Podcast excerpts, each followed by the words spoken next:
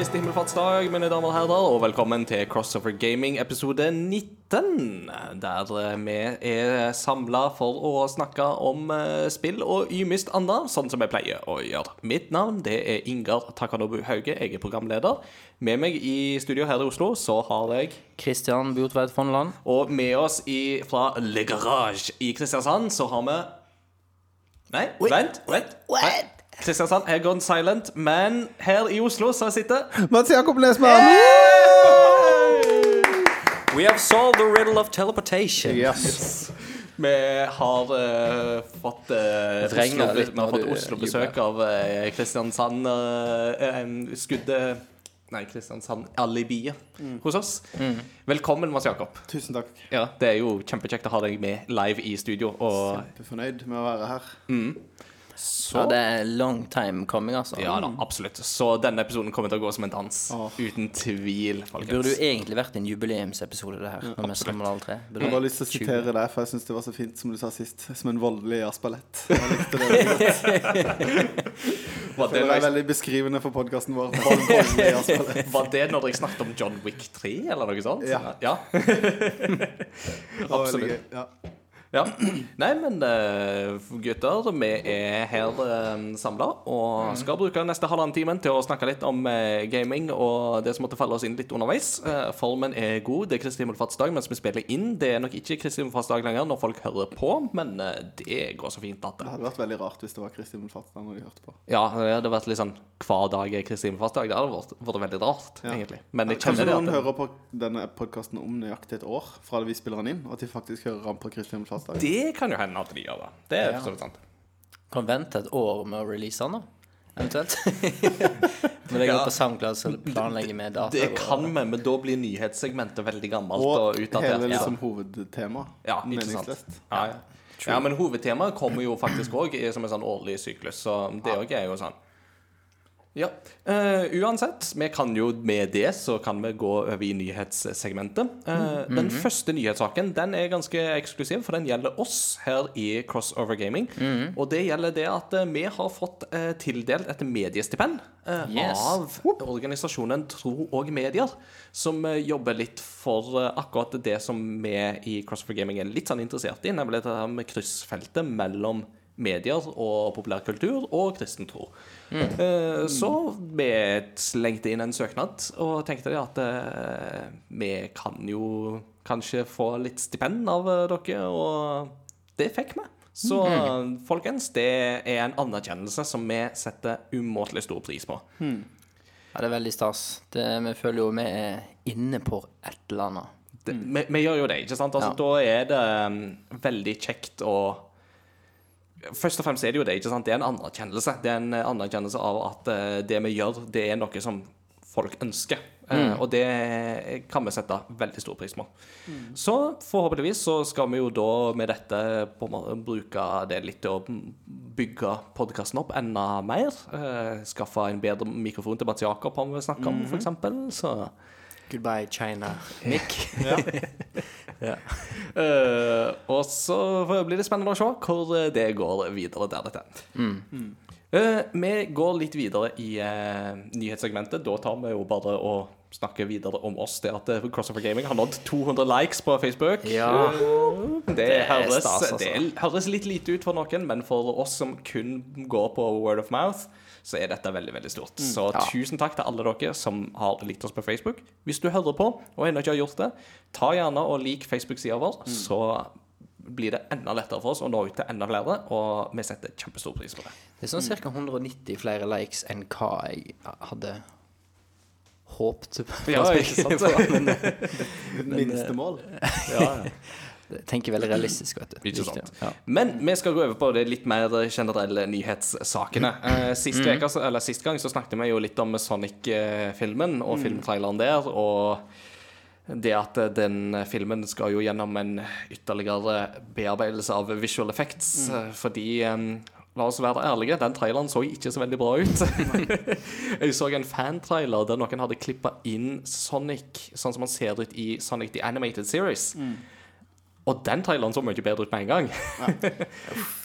så, men eh, denne filmen blir nå utsatt til fem, valentinsdagen 2020. Så de trenger mer tid på å ferdigstille den, og det er ikke så rart. Altså. Og det var jo litt det vi, jeg sa sist òg, at det var jo flere som jobba med special effects, som hadde gått ut med og sagt liksom Det er en sinnssykt stor jobb. det er ikke ikke bare liksom Ja, men vi gjør det på nytt. De, det er, Så det er ikke så rart at de har utsatt den. Nei, nei, nei, det er, det er veldig, en stor jobb. det er veldig forståelig, og det er jo godt at Paramount faktisk gjør det. Men jeg tenker jo det at det er tre måneders utsettelse Jeg vet ikke om det er nok, altså.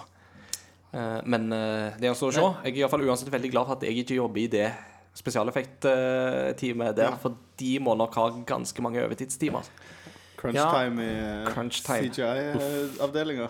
Jeg hørte òg om det var Level Up som snakket om at Det var rykter om at de hadde fått en av disse animatørene ifra Sonic Maniac-teamet.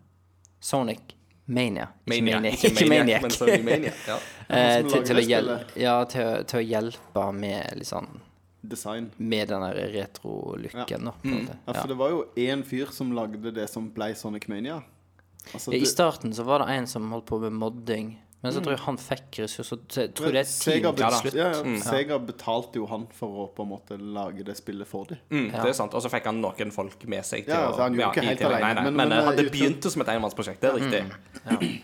Og det er i seg jo imponerende. Så Ja, ja. um, det er jo klart at det, jeg tror det at fansen Uansett om du er fan av, fan av gamle eller nye Sonic, så er det iallfall noe med Sonic-designet som må være på plass. Og det var jo ikke på plass med den eh, traileren. Nei, det så det blir spennende å se hvordan det uh, nye arrangementet der uh, vil fungere, Eller den nye designet vil fungere. Eh, Videre så er den store nyheten som ble sluppet i går, var det vel, er at Death Stranding har fått dato. Lanseringsdato. Og trailer, Og trailer. En ni minutter lang eh, Ja, trailer. med masse nytt gameplay. Ja, eh, jeg, jeg har ikke sett traileren ennå, det har jeg ikke drukket, men det jeg tror blir ikke jeg spennende. Nei. deg ennå. Men 8. november kommer det spillet, og det er jo bare ei uke før Star Wars Jedi Fallen Order, så november blir travelt. Oi, oi, oi. Vi må dele litt mellom oss her i eh, redaksjonen hvem som Ja. tar Fritt hva. for Star Wars.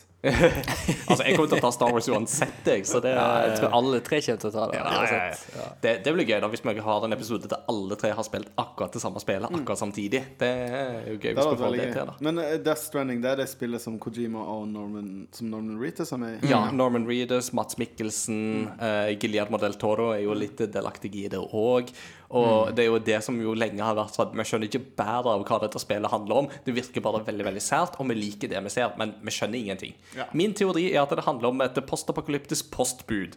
For eh, når vi ser Norman Reedus i det spillet, så går han alltid, Han springer alltid rundt og bærer på et eller annet. Og Det er ikke den der babyen i den bagen? Jo, og så er det en baby i en, bag eller et eller annet sånn, sånn kapsel. Det Ja. Sære greier, folkens. Det, Gjennomsiktig hvis du ikke har sett noen ting av Death Stranding, så Dette er psykedeliske ting, men det er veldig typisk Hideo Kojima. Det er det jo Ja, og det er veldig originalt. Ja, det er det jo, ikke sant? Og det er jo det. Eh, altså, Kojima er en skrue. Men han er vår skrue. altså, han, han tør å gjøre ting på sin måte og gå litt uh, ukonvensjonelle veier og sånt. Og med Metal Gear Solid-serien så klarte han jo det kolossalt bra. Så det blir jo kjempespennende å se hva han finner på nå som han er fri fra Konamis eh, herskergrep. Og får lov å gjøre litt mer ting sånn som han sjøl ønsker og vil. Ja. Men det er jo veldig spennende. Det var jo, mm, begynte jo å surre litt rykter om at det kanskje det ble en PlayStation 5-tittel, dette her. ikke sant? Så um, det er jo spennende at det endelig endelig kom ut. Ja, Kjenner du på en måte Sånn som det var med overgangen fra forrige generasjon til denne, så kommer jo de siste storspillene blir jo re-releasa. Hvis de kommer liksom kloss opp mot. Ja, det er sant. Og eh, på toppen av det hele så blir jo PlayStation 5 blir jo bakoverkompatibel med PlayStation 4 og vil ha eh, kryssplattforming faktisk òg for multiplayer. Så det er jo kjempespennende. Ja. Neste sak er at det norske indiespillet Pode, utvikla av Bergen-studioet Henchman and Goon, har vunnet Nordic Game Awards for Best Art. Altså beste Yeah. stilart eller kunstuttrykk i et spill. Eh, og det er jo veldig spennende, for at Pode sin artwork er jo veldig basert på rosemaling. Altså Det er jo rosemalingen som ligger til bunn for den stilarten der. Og da danka det ut eh, stortitler som Battlefield 5, som jo er kjempeimponerende, og Unravel 2, som jo er òg et svensk eh, indie-spill, som jo der alt ser ut til å være lagd av garn. Eller i alle fall hovedpersonen er Ja, ja, lagd av garn. Ja, av karakterene er lagd av garn, men ikke omgivelsene, for det er jo Yoshis eh, Woolly World. Så mm, det òg er jo imponerende at et lite Bergens bergensstudio overgår eh, Battlefield 5, som jo er en kjempe, kjempestor sak. Mm. Det, det er imponerende. Ja, nå, nå begynner jo norske spill å liksom Mm. Å få flere priser inn i, inn i rekken. Altså, det var jo um, Var det BAFTA? Ja, BAFTA Eh, til, mm, My Child til, til My Child Sport. Ja. Riktig. Og nå Pode. Og, og eh, forhåpentligvis gir jo det at, at politikere kanskje får enda mer øyne opp for, Ja. Ikke bare e-sport-delen av de store populære spillene, men, men kunstaspektet ved det òg, da. Mm. Og at uh, det da kan bli bedre Absolutt. støtteordninger for de som driver med det her. Mm. Ikke sant, ikke sant. Nå er jo òg, i det vi tar opp episoden, så er jo Draugen er jo akkurat kommet ut òg. Som jo er et veldig spennende norsk prosjekt, som de jo går under det appellerende navnet De kaller det for en fjord noir. Ny sjanger. Det er sånn det, det, I have no idea what that entails, but I'm intrigued. Det er sånn Hva en fjord noir innebærer. Det er sånn, Jeg er jo kjempefan av både fjorder og noir-sjangeren, men fjord noir, det, det kan bli gøy å teste. Ja, det høres spennende ut. Jeg tror det er ganske bra å bruke i markedsføring, for f norske fjorder er liksom sånn at Det er mange som ikke er fra Norge, som opplever det som liksom magisk. da Det er jo noe eksotisk Ja. med fjords, ikke sant? de bruker det bare i markedsføringen og sjangeren på spillet, så det er jo da en saftig Absolutt. bonus. Men det er jo, fjordene er jo imponerende for selv en sørlending. altså. Ja, ja. Dere er jo fra Vestlandet. altså Dere er jo Ja. vant, med, vant med fjorder. Men eh, for meg er jo det litt sånn Wow. Jeg føler meg som en eh, ja, asiatisk turist. Ja, ja men som, som, jeg- som, som en som delvis er asiatisk turist og dele, Delvis vestlending. delvis vestlending, så, så kjenner jeg på begge deler. Jeg kjenner litt sånn Ja, dette har jeg opplevd før, liksom. Men så jo, tar du turen i Geirangerfjorden, så er det greit nok, det er imponerende. Og en tur ned til Flom, og liksom ta båten fra Flåm Spana etterpå, så er det jo Ja. imponerende saker. altså. Jeg gleder meg til å spille Draugen, for at av og til når jeg er hjemme på Vestlandet og skal liksom nyte av naturen, så syns jeg av og til at textures og oppløsning sånn er litt dårlig. Så nå blir det jeg, jeg, skjønner alltid når det kommer noe som skal begynne seriøst, og så blir det tull. Jeg, jeg er jo i den motsatte enden, for jeg syns jo at eh, estetikken og grafikken i eh, de vestlandske fjordene er jo helt awesome, men handlinga er jo kjedelig. Ja. Så jeg er klar ikke for en uh, noir-fortelling med litt mer spenning og mystikk. Skal visstnok være Ja. veldig kort, da, Draugen. Så det Ja. blir- ja. ja, for det kommer nok noen anmeldelser allerede. ja, Ja. eh, både på Game Reactor og Gamer vet jeg har begge anmeldelser ute. Level så Up. Level Up har vel òg ute, ja, tipper jeg. Så um, det er bare å sjekke det ut, folkens. Så, så får, kommer vi vel nok tilbake til det. Jeg har ikke rukket å spille det sjøl, men jeg håper å få tatt en sving innom norske fjorder eh, innen neste episode. Er det tilgjengelig på Switch? Nei, ikke ennå. Det, eller, det kommer vel ikke på Switch i det hele. Det er annonsert for PlayStation 4 og Xbox One etter hvert, men nå er det PC, og da er det Steam og GOG.com som er Det, det er kun på PC foreløpig. Foreløpig er det kun på PC, ja. Og så kommer det til PS4 og Xbox One etter hvert. Mm. Neste sak er at um, Jeg vil bare også nevne det at Journey eh, PlayStation 3-spillet, og det kommer på PC neste uke. Stemmer. Det vil si at den veka denne podkasten er ute, så kommer Journey til Epic Store. Så For et spill, altså. For et spill. Og altså, folkens, hvis du ikke har en PlayStation i hus, men du har en PC, spill Journey. Det er en opplevelse. Det, det, det, det Altså nå er det kanskje teologen i meg som uh, begynner å snakke litt, men det er nesten som en gudstjeneste i seg sjøl, altså. Det, er, det, det er nesten en sånn sakral opplevelse. Det er ulikt så veldig masse annet du har spilt. Og prøv å ta det på én sitting. Altså Ja. ta det i en matpause eller dopause, men, men gi det i løpet av én dag. Sånn Absolutt. at alt er liksom ferskt i minnet. Helt klart. Det Ja. Det rekker du, for å si det sånn. Ja. Det gjør du. Eh, noe som eh, derimot går den andre veien, er Telltale sine spill. For de begynner etter hvert å forsvinne litt fra digitale distribusjonsplattformer. Eh, så nå, mm, den 27. mai, så forsvant en del eh, Telltale-spill fra f.eks. GOG.com. Og spill som f.eks. Tales from the Borderlands har jo vært vekke fra Steam nå i det siste. Og det virker som at en del Telltale-spill rett og slett blir tatt ned fra de digitale plattformene. Så folkens, hvis det er noe der som du har lyst til å spille, eh, så må du kjappe deg. Det er ikke gitt at du får tak i de når du hører på episoden engang. Så Men hva, vet du hva grunnen til det? Nei, det er det de har vært litt sånn kryptiske om. Eh, men det er jo kanskje en følge av rett og slett at studioet ikke finnes lenger. Ikke sant? Og at det, Hvor skal de pengene gå hen? Men noen har vel Ja. kjøpt opp studio? Nei, det er jo det de ikke har. Ja. altså det er Det som jo skjedde med Telltale i høst, var jo at etter at de ble lagt ned, så var det et uh, lite sånn skeleton crew, som de kalte det, som ble igjen for å opprettholde Eller for å fullføre visse prosjekt de allerede var i gang med. Um, og selve utviklinga av The Walking Dead The Final Season, som var påbegynt, og de to første episodene var jo ute på det tidspunktet, det gikk over til Skybound Entertainment. Ja, men jeg mener, noen må jo på en måte Noen har jo scoopa opp de rettighetene. Det, kan, det, det er ikke sånn at de, ingen, ingen eier de spillene lenger. Nei, altså Nei, men det, det er kanskje det som har gjort at de må ta de ned. da At det er noe sånn Med en gang det blir lagt ned, så er det noen lisensgreier som Ja. da Kontrakter som Ja, sånn, det er blir terminert, Ja, for eksempel. Mm.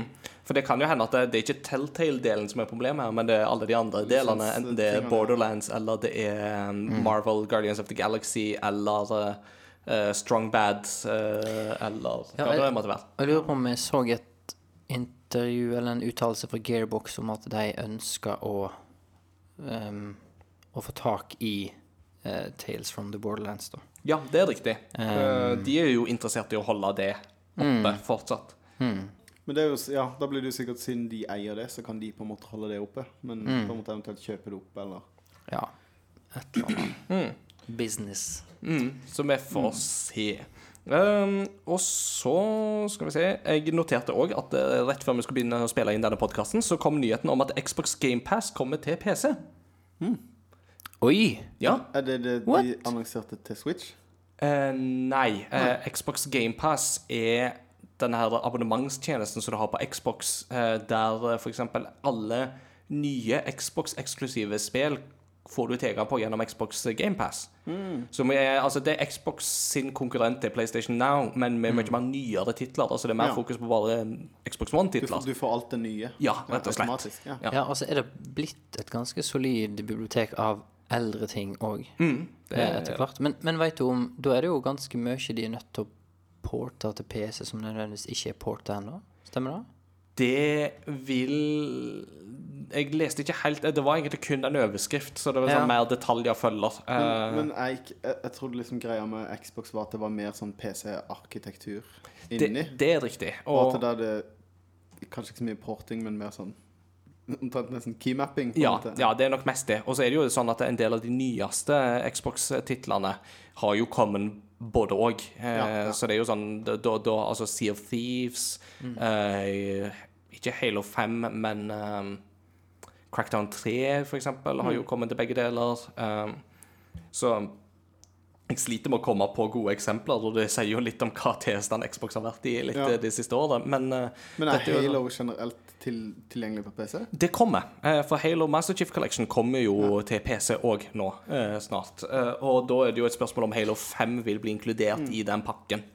Men det må jo være long overdue at du får spille Halo på PC. Ja, ja, ja, absolutt. Det er jo Altså, Halo 1 og 2 var jo tilgjengelig på PC back in the day. Ja, det var det, ja. ja. Ja, ja, Eh, Men Halo 2, for eksempel, det var på sånne Games for Windows-tjeneste som krevde Vista, og har liksom aldri Det var veldig låst i arkitekturen, vet jeg, og Det var jo mange av de her eh, Når på en måte Etter at Steam kom og eh, Mm. EA begynte med det der eh, Hva er det for noe? Orange? Nei. Orange Box? Nei. Nei. De hadde jo sånn derre Jo, Ori- EA Access Origin. heter det, hva heter det bare. Jo, Origin Access eller et eller annet sånt. Ja, ja. hvor du på en måte måtte launche Selv om du kjøpte gikk og kjøpte eh, Battlefield Bad Company Mm. fysisk i butikken, så måtte du allikevel launche det gjennom den tjenesten. Mm. Og Ubisoft har jo hatt lignende og sånn. Mm. Så det Eh, Ja. nå, nå, eh, mens det prater her, så bare heiv jeg opp den uh, artikkelen, eller en av de, og da er det kommet til PC, og når det kommer, så er det over 100 titler som er tilgjengelige med en gang. Det er ganske solid, og de har fått mange tredjepartsutviklere med seg på laget, som også er veldig solid, eh, og at de skal si mye mer om det her under E E3. Ja, det er jo naturlig nok at det kommer mer under E3-messen, som jo er rett rundt hjørnet. Mm. det er jo veldig spennende, for at det er jo dette her med abonnementstjenester begynner jo på en måte etter hvert å bli mer aktuelt i gaming-sammenheng. Hva tenker vi om det? Eh, altså, Vi har jo snakka litt om det før òg, men det er jo dette her med Hvordan skal de små selskapene klare seg? Hvordan skal Indie klare seg i dette Ja. landskapet, f.eks.? Jeg husker det litt sånn eh, Altså for lyttere, da. Det her har vi diskutert litt før. Og da En av tingene som, som ble nevnt i den diskusjonen da, er denne bekymringen med økonomi. For at den abonnementsordningen har tilsynelatende fungert godt innenfor film og TV-serier, men ikke så godt innenfor musikk. Så en har sett liksom begge mulige utfall her, da. Og at en da er litt sånn ja, OK, for gaming så kan det òg gå begge veier. Det spørs hvem som sitter igjen med pengene. Men etter vi hadde diskutert da i en episode, noen måneder etterpå, så hadde Apple en sånn her eh, keynote-event. Og da lans eh, lanserte de en, en um, tjeneste som heter Apple Arcade. Ja. Som er en eh, abonneringstjeneste hvor du får tilgang til spill. Og da var det ikke store spill, men det var indiespill. Og da var det mange av disse her indie eh, og utviklerne i reklamen som sa liksom at det her gir oss den økonomiske boosten vi trenger for å kunne liksom lage det spillet her. ja. Det er jo interessant. Og tydeligvis, hvis en begrenser det til at det f.eks. kun gjelder indiespill, at det ikke gjelder spill hvor du kan kjøpe ting i butikk, og at ikke du, det gjelder de store, store spillene som da vil ta hele kaka At det er et indie-bibliotek da du kan abonnere på, f.eks., så, så kan det se ut som at da er det på en måte lite nok og kontrollert nok til at det kan funke. Jeg vet ikke. Nei, jeg vet ikke. Jeg er litt sånn Jeg ser flere fellesnevnere mellom spill og musikk enn spill og film. Så når det gjelder på en Ja. måte På en måte at musikk hører du gjerne flere ganger. Noen spill spiller man i mange, mange mange timer. Men man, og en serie kan være veldig lang, og det kan være mange timer, men du ser ikke den serien mange, mange ganger. Eller Med mindre den heter Firefly. ja.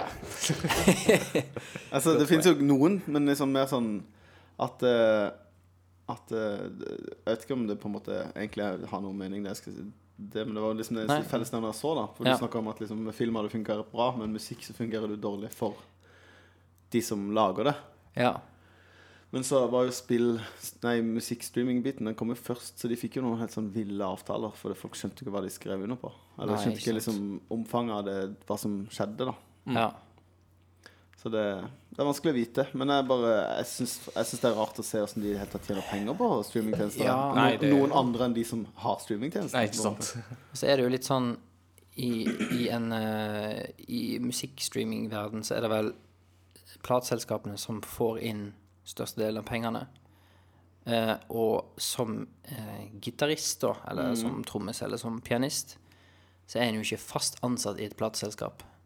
Du har uh, ei plate eller en utgivelse hos de, men innenfor spill og innenfor eh, så lenge ikke du er skuespiller, da, men de fleste andre roller vil du mest sannsynlig ha en fast inntekt, så lenge det går bra med firmaet, på en måte. Og hvis firmaet får inn penger, så er det bra for deg. Men sånn er det ikke i musikkverdenen, i hvert fall. da. Iallfall ikke for utøvere. Nei, ikke sant? Nei, det er et kjempegodt poeng. Ja, men da ba, Ja, jeg har bare slitt med å se hvordan man tjener penger, men det er et kjempegodt poeng. Da, da er jeg plutselig med en gang litt mer positiv Ja, til det. men uh, det, mest altså, det, det kommer jo til å skje. Det er jo bare snakk om når, og forhåpentligvis Under hvilke forhold, ja. Ja, ikke sant. Ikke sant. Eh, siste nyhetssak som jeg har notert meg, er nyheten om at Verdens helseorganisasjon har nå eh, stadfesta at dataspillavhengighet er godkjent som en offentlig, eller offisiell diagnose. Eh, det er um, visse kriterier som må være oppfylt for at den diagnosen skal bli stilt. Eh, og det er jo da at uh, jeg bare leser litt eh, opp nå med at eh, dataspillavhengighet blir karakterisert som en vedvarende og tilbakevendende spillatferd, og kan, som kan være online eller offline, manifestert ved Og så kommer tre punkter. Det første er at det må være hemma kontroll over spillinga. F.eks. når spillinga starter, frekvens på spillinga, intensiteten, hvor lenge en spiller, mm. hvor tid det avsluttes, og hva kontekst det blir spilt i.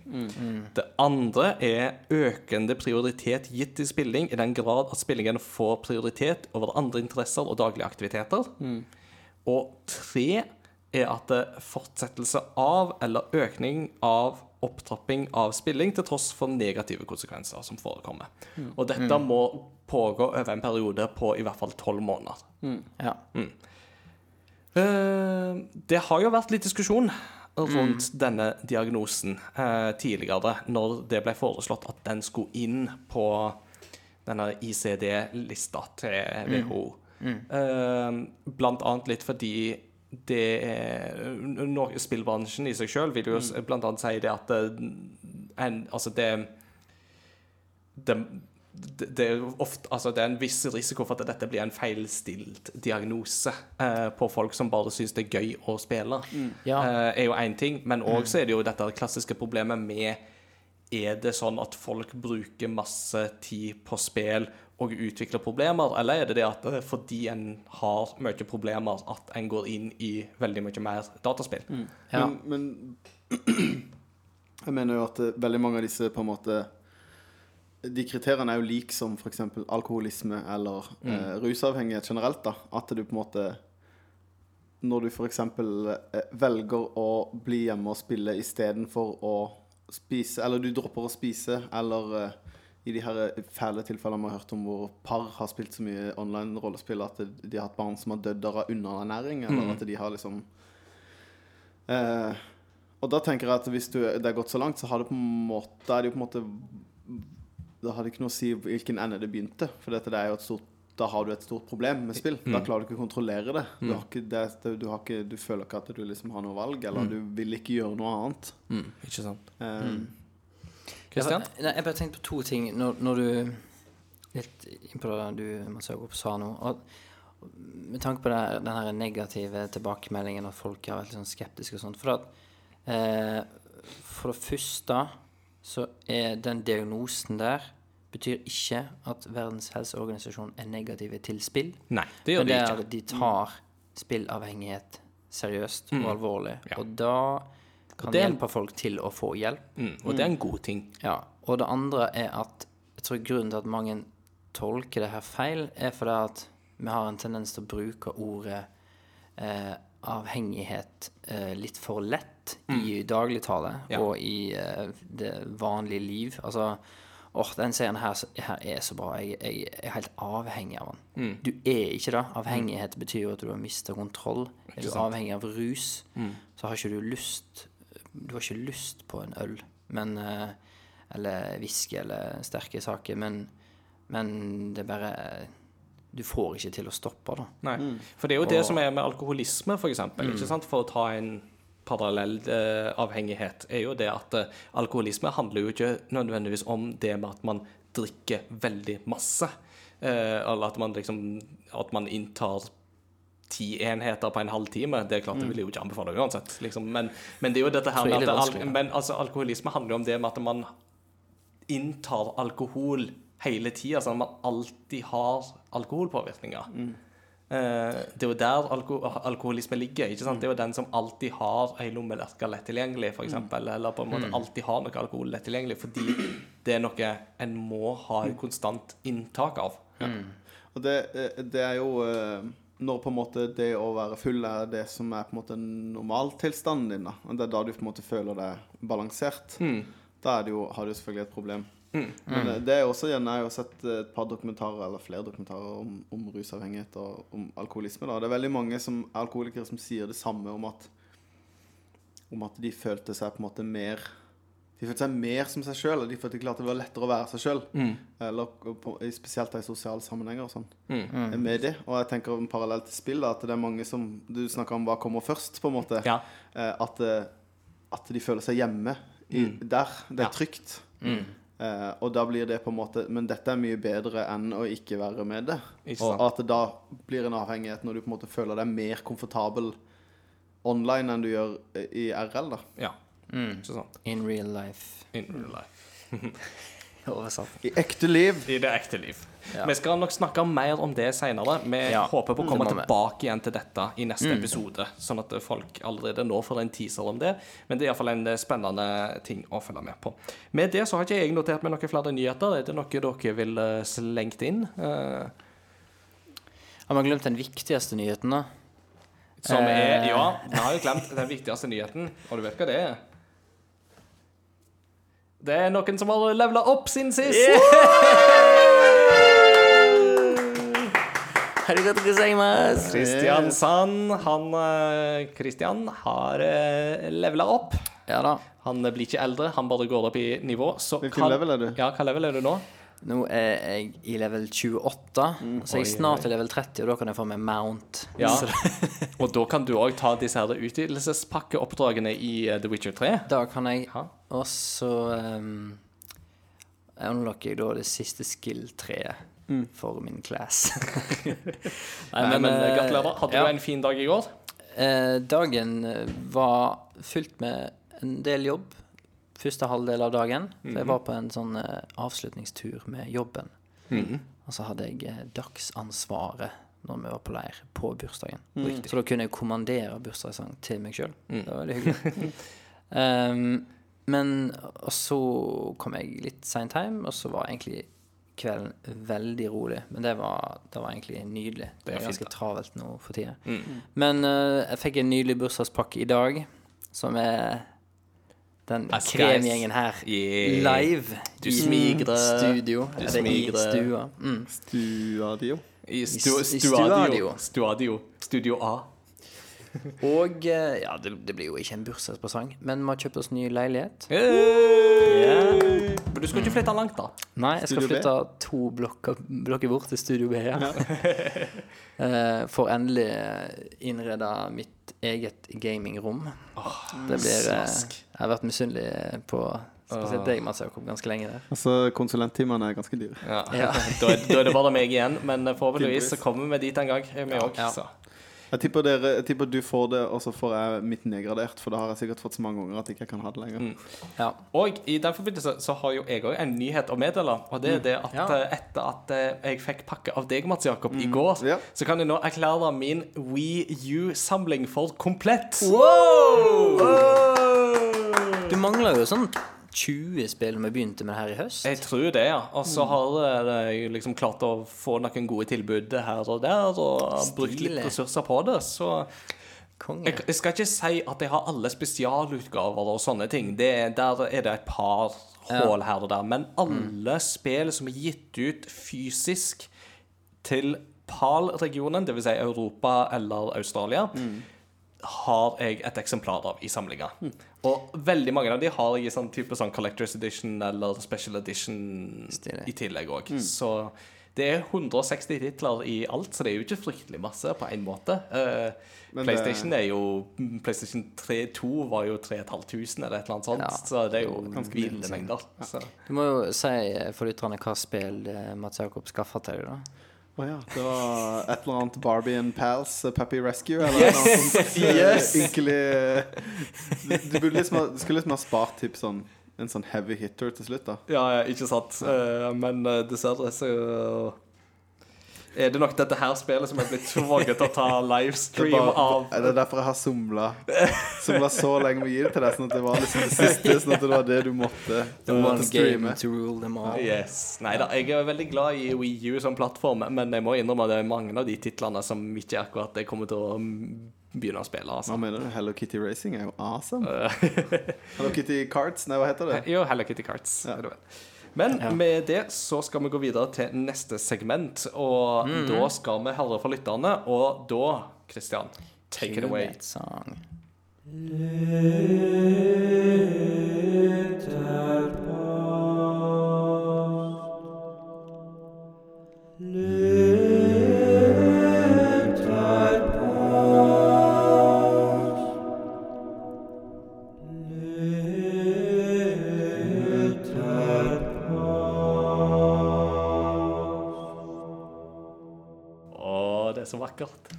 vakkert. Altså. Det er nydelig, Christian. Fortsatt. Jeg gleder meg til å høre hva det koker opp neste gang. Vi skal ha lytterposten, og folkens, E3-messen, verdens eh, største spillmesse, i alle fall sånn tradisjonelt sett, mm. nærmer seg med stormskritt. Den eh, første konferansen kicker av staben 9.6, og i den forbindelse så har vi spurt lytterne hva de ser fram til på E3-messen. Jeg har fått et på Messenger og kan ta det først, og så kan jo dere ta det som er i Facebook etterpå. Ja. Eh, vi har uh, mottatt en melding fra vår lytter Kjetil uh, Austad Endal, som eh, skriver at han ser mest fram til reveals av The Last of Us og det nye Avengers-spillet. The Last of Us tror jeg dessverre ikke vi får sett så masse av, av grunner vi skal komme inn på senere, men eh, The Avengers-spillet er bekrefta skal bli vist på E3-messen. ja, da blir fett. Det gleder jeg meg til. Jeg, blir, jeg er veldig spent på å se hva Square Enix koker opp der. Jeg, jeg tipper kanskje at det er disse her som har hatt ansvar Altså Crystal Dynamics, som har hatt ansvaret for uh, rebooten til Tom Reidar. Tom Raider, ja, og Rise of the Tomb Raider. Men de gjorde ikke treeren, Shadow of the Tomb Raider. Det var det et annet team som gjorde. Og da Stemmer det. mistenker jeg at de kanskje har sittet med et eller annet sånt istedenfor. Det er sant. Maybe. Ja, vil dere gå videre? Ja. Eh, Mats Hauge skriver Håper at det blir noe fra det neste Elder Scrolls-spillet. Til tross for at, det, at de fleste rykter sier at det ikke blir noe på den fronten. Bortsett fra det hadde det vært eh, Hadde release date for The Last of Us 2 vært veldig gøy. Ja. Jeg tror en av hovedgrunnene til at det ikke blir uh, Elder Scrolls 6 ennå, er at hvis du, hvis du husker tilbake til når det ble vist, så ble det vist rett etter en trailer av det herre Star Bound?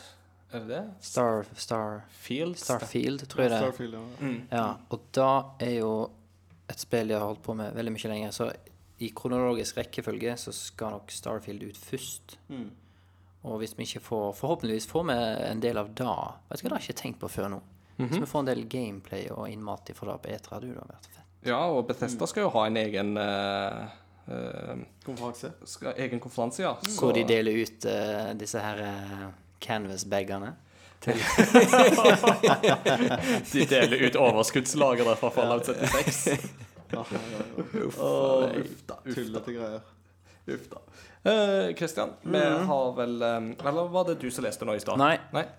Da kan du ta siste. Mammen, man Åsmund her. Åsmund, Respekt, kompis. det handler om det sånn, eh, respekt. Nå når jeg er blitt 28, så, liksom, så har jeg, jeg ser ikke så ungdommelig lenger. Så jeg, jeg prøver meg på sånn fake ungdomsspråk. Ja. Så det må, jeg, kom igjen med feedback. Du er litt sånn som Joey i Friends når han skal Ja. kle seg ut som en 19-åring. PlayStation, that's whack! So cool. Eh, går rykte om at det er et samarbeid mellom George R.R. Martin og FromSoft. Hadde vært artig å få se noe av det prosjektet. Eller så blir det bra å få sett mer av Cyberpunk og Ori and the Will of the Wisp. Og Ori Det gleder jeg meg til. Cyberpunk, ja. Og Og, Cyberpunk òg, ikke minst. men uh, FromSoft Jeg tror det er litt tidlig. Ja, De har eh, nett kommet med et spill nå. Mm, det, trenger- ja, altså, For å klarere i de ryktene, det glemte Ja, vi jo i nyhetssegmentet, ja. men George R.R. Martin, forfatteren av Song of Ice and Fire, som jo er bøkene bak Game of Thrones, Mm. uh, har bekrefta sjøl på sin blogg at han skal være i en sånn konsulentrolle for et japansk spillselskap. Og veldig mange tror at det handler om From Software, men det er ikke bekrefta ennå. jeg trodde det var bekrefta. Nei, det er ikke bekrefta.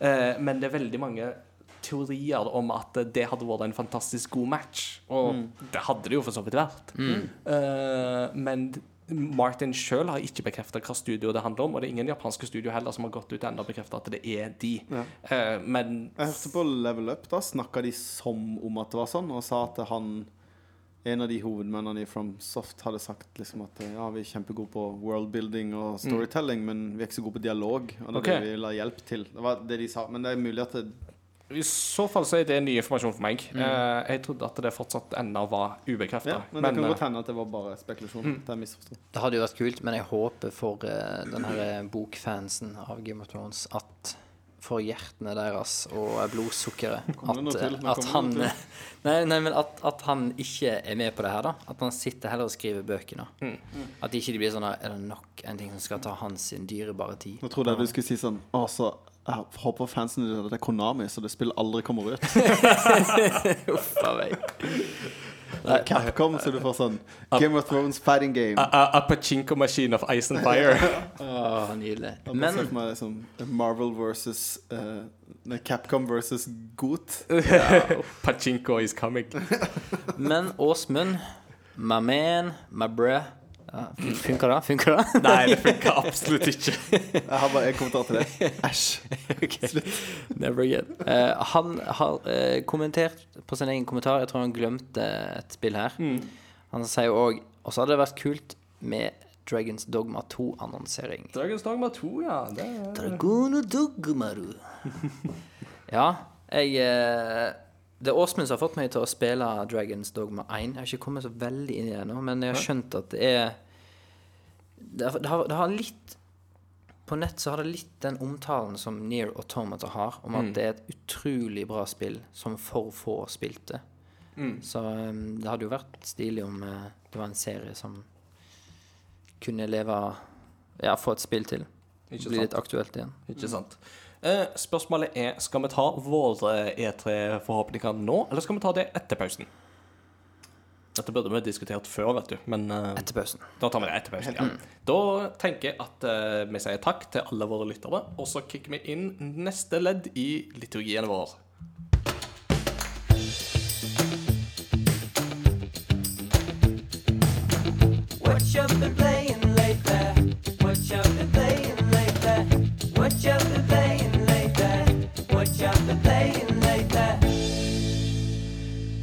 Is so catchy, this tune. I like it very much, as you know. Eh, Jolly. Jolly, jolly. It is a jolly, Jolly good. Jamaican. Yes, uh, so jolly. you playing lately? Jeg må Ja, spille man. inn med ny dialekt, tror jeg. jeg, jeg og kona vi sitter og ser litt Friends nå for tida, og det er jo da snakk om da Joey skulle lære seg sørstatsaksent, og at det var bortkasta penger. What are you talking about? The South will rise again, man! Da også påstå at han kunne, han kunne fransk. Ja, men det kommer senere. Det kommer senere. Je m'affligne. Tutelefruit. Good job. Thank you. Men eh, vi er ikke her for å snakke om Friends. Eh, Det ble en eh, liten blir neste avsporing. episode. Det blir neste episode. Nei da. Eh, Men eh, Christian, siden Mhm. du snakket om Dragons Dogma 2 i stad, eller du leste jo opp Åsmund sin Mhm. seksjon om Dragons Dogma 2, så har du jo spilt Dragons Dogma tidligere, så derfor så tenkte jeg du kan få lov å begynne. Ja, eh, jeg tror jeg kanskje jeg har en av de kjedeligste Hva har du spilt i de siste spaltene på lenge. For at i det siste har det vært veldig mye jobb, og vi skal som sagt Vi har kjøpt leilighet, og da må du òg selge den leiligheten du har. For det her blir leilighet nummer to.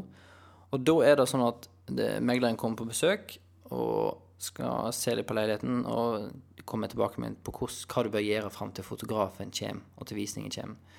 Og det hun da sa, var PlayStationet må ned. Switch, Nintendo-greier må vekk. Den PC-en må vekk. Alt ble pakka ned, da. She is not lead. Do, do, do you have you not heard of uh, crossover gaming? sa jeg da. Nei da. You are not lead. Uh, så, men det jeg gjorde i går, på bursdagen min, var at jeg tenkte utpå kvelden at nei, nå har jeg lyst til å game litt. Eh, så gikk jeg ned i boden, henta opp igjen datamaskinen. så jeg kan ha noe litt noe Yes. mellom eh, altså, ring WHO, altså. Her er det snakk Kryper ned om natta og så lister i bokseren og slåbroken ned for å Ja hente en stasjonær PC. Så lenge jeg tar den ned før visning, så er det greit. Eh, og så kjøpte jeg en bursdagsgave til meg sjøl. Og da kjøpte jeg et spill som uh, jeg har testa eneren. Likte det ikke så veldig godt, men jeg har hørt masse bra om toeren. Så jeg kjøpte meg Division 2. Ja, så spennende. Yes. Fortell. Eh, nå er jeg i level 3, så da vil si jeg har kommet meg gjennom eh, liksom tutorial-delen og innledningen, og har testa ett oppdrag Gjort mesteparten solo, testa ett oppdrag ren sånn matchmaking. Og har fått litt sånn filen på spillet, men er fortsatt veldig eh, Det er mange gameplay-element som ikke er unlocka ennå, da. Men uh, hvis jeg kan sammenligne det med eineren så langt, så er egentlig hele RPG-delen av spillet er mye mer tilfredsstillende og føles ut som det har mye mer dybde, da. Ehm, loot-systemet er, er litt kjekkere, og det er jo veldig viktig i et sånt loot-basert uh, skytespill. Eh, og så spilte jeg Da får jeg på PlayStation, og nå spiller jeg på PC. Ja. Og da går jeg fra 30 til 60 Frames. Eh, frames Det er jo nydelig. smooth. Men, men jeg har liksom ikke spilt nok til å liksom komme med sånn Nei. Komme med en mild anmeldelse, på en måte. Nå er jeg egentlig blakk, men jeg har jo tenkt lenge at eh, det hadde vært gøy å spille Ja. sjøl. Og for meg så er det jo PC som er alternativet Ja. for sånne ting, så kanskje vi skulle eh, slått kreftene våre sammen og Ja, lett. Prøvd på Lag noe i eh, helga. COG eh, Kanskje du kan, kanskje du kan brenne en, en kopi til Ingar? Ja. Og sende med en keygen i, i den, eh, på den CD-keyen. Crossover Gaming does not endorse piracy. You would- Crossover Gaming wouldn't steal a car. Yeah. Wouldn't Would you steal a steal a baby. DVD? No, Wouldn't steal a baby. Hva, hva er det det står? You wouldn't steal a car. Altså, jeg har sett en sånn meme på nettet bare But uh, if I could download one, I'd definitely do it. Nei, fortsatt syns jeg at eh, The IT Crowd har den beste sånn eh, parodi. eh, Sånn You wouldn't steal eh, Prikk, prikk, prikk videoen. Det var de som har den der You wouldn't steal a baby. Og. ja. Ja, nei, det, IT Crowd, altså. Ja. Det er Eh, britisk humor. men jo, eh, The Division 2 har du jo da fått begynt på, Ja, iallfall. så, Så, så det, ja. det er ikke så mye mer der. Jeg holder på og eh, litt her og der med andre gjennomspilling av Resident Evil. ja. Um, og Warframe har jeg eh, lagd min tredje account på. For at akkurat det spillet der er sånn at hvis du starter på PlayStation, eller hvis du starter på Switch, så kan du importere din PC-account, så at du slipper å begynne på nytt. Da kan du kun gjøre én gang. Uh, for det er ikke noe sånn crossplay mellom disse her, da. Og så begynte jeg på PlayStation, og så spilte jeg lenge der. Lasta den på Switch, måtte lage en ny account, spilte lenge der. Og så begynte jeg på PC. Men da kunne jeg liksom ikke importere ja. til PC. Så, eh, og det er jo et kjempebra spill som jeg har mest lyst til å spille på PC, men når du har lagt liksom 40-50 timer i det på en annen account, så er det litt tungt å gå så, gjennom de samme timene og samme grinden Ja, på nytt. ja, det skjønner jeg jo godt. Så. Så ja. Mm. God greie. Uh, det var det du hadde å melde. Det var egentlig det, altså. Da sier vi takk til deg, og vi setter over til uh, Oslo. ja, oh, takk skal du ha. Godt like Kristiansand. Uh, Mads Jakob, hva har du spilt siden sist? Jeg har ikke spilt så fryktelig mye heller, men jeg kjøpte med eh, Switch-versjonen av eh, Starlink, A Battle for Atlas. Ja, Ja, med, fett Med Star Fox ja. og Fox McCloud-integrasjon. Ja. Og uh, jeg har liksom Jeg spilte ikke Skylanders. Jeg har ikke spilt uh, Disney Infinity. Jeg har Mm. tre Amiboer som jeg aldri har brukt. De står bare til pynt. Så jeg har aldri liksom digga den her Toys to Life-pakka. da ja, for det her er et sånn type spill. Ja, Ja. men jeg syns at det er gjort på en uh, veldig gøyal måte. Som på en måte et, Når det kom, så tenkte jeg at ah, det her virker litt kult. Det eneste som er litt klanky, er at det, altså, for de som ikke vet hva det er, det er et spill hvor du uh, Akkurat som i Skylanders, hvor du satte på en måte en Skylander på portalen, og så blei du den Skylanderen, så har du på en måte et fly som du, du får en egen sånn Romskip. romskip som du fester på kontrollen. Så hvis du spiller på Switch, som jeg gjør, så eh, slider du joyconene inn i en sånn kontroll som har sånn flystativ. Så du sitter liksom med flyet over hendene dine. Og så setter du, kan du bytte fly, du kan bytte vinger, du kan bytte våpen, du kan bytte pilot. Sånn, bare swappe det som det går.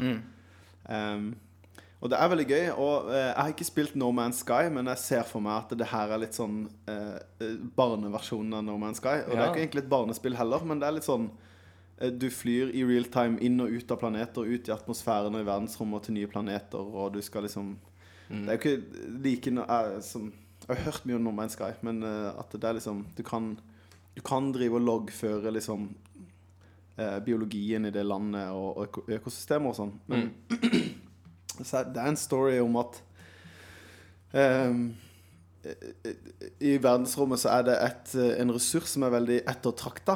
Eh, som blir brukt som sånn eh, super eh, fossil fuel. Og eh, et romskip hadde krasja på jorda med dette her, og så hadde eh, en, et menneske da som har klart å finne ut av hvordan de lager det. Alle har ressursen, men det er ingen som vet hvordan de raffinerer det til dette her Hva skal jeg si, dri, kalle drivstoffet, eller Mm. sånn Riktig. fuel cell, som det heter så fint på engelsk.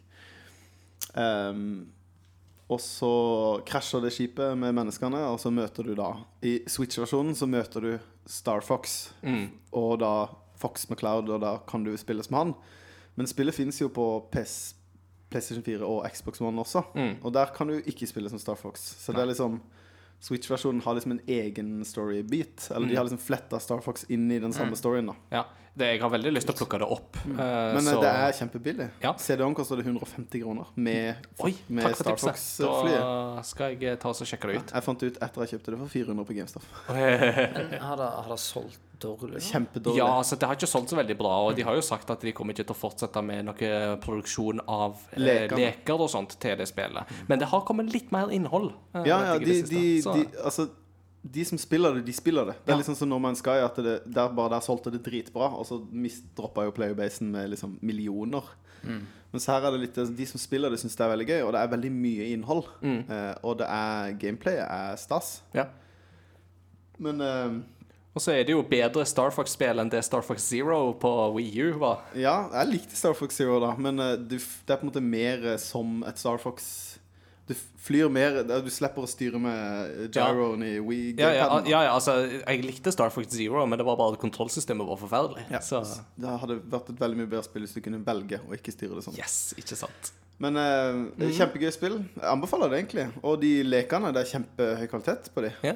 Eh, og er liksom, jeg liker det at du på en måte må ikke inn på en meny for å bytte våpen. Du kan bare poppe av et våpen Ah, det er konge. Konge. og er sette det, det på. Og så Ja. Litt sånn cheesy, cheesy story, da. ja. Um, Så, anything else? Bortsett fra det så har jeg ikke spilt så mye. Jeg Spilt litt Heroes 3. Jeg var hos uh, min venn Nikolai i dag. Og sp da vi satt vi i sofaen, og så plutselig så satt han der med Mac-en, og så han fyrt opp Heroes 3. Vi spilte kos. Spiller han noen Heroes? Ja, ja. Konge. Er dødsgod. Kos, kos, kos. Og jeg ble så glad, for vi spiller Velger random eh, oppstartsfraksjon og hero og sånn. Ja. Og så fikk han den dårligste, og så fikk jeg den jeg pleier å spille. Yes. Level the playing field. Nice. i kveld han bare Skal vi starte en new game? Nei, nei, nei. Vi fortsetter saven. nice.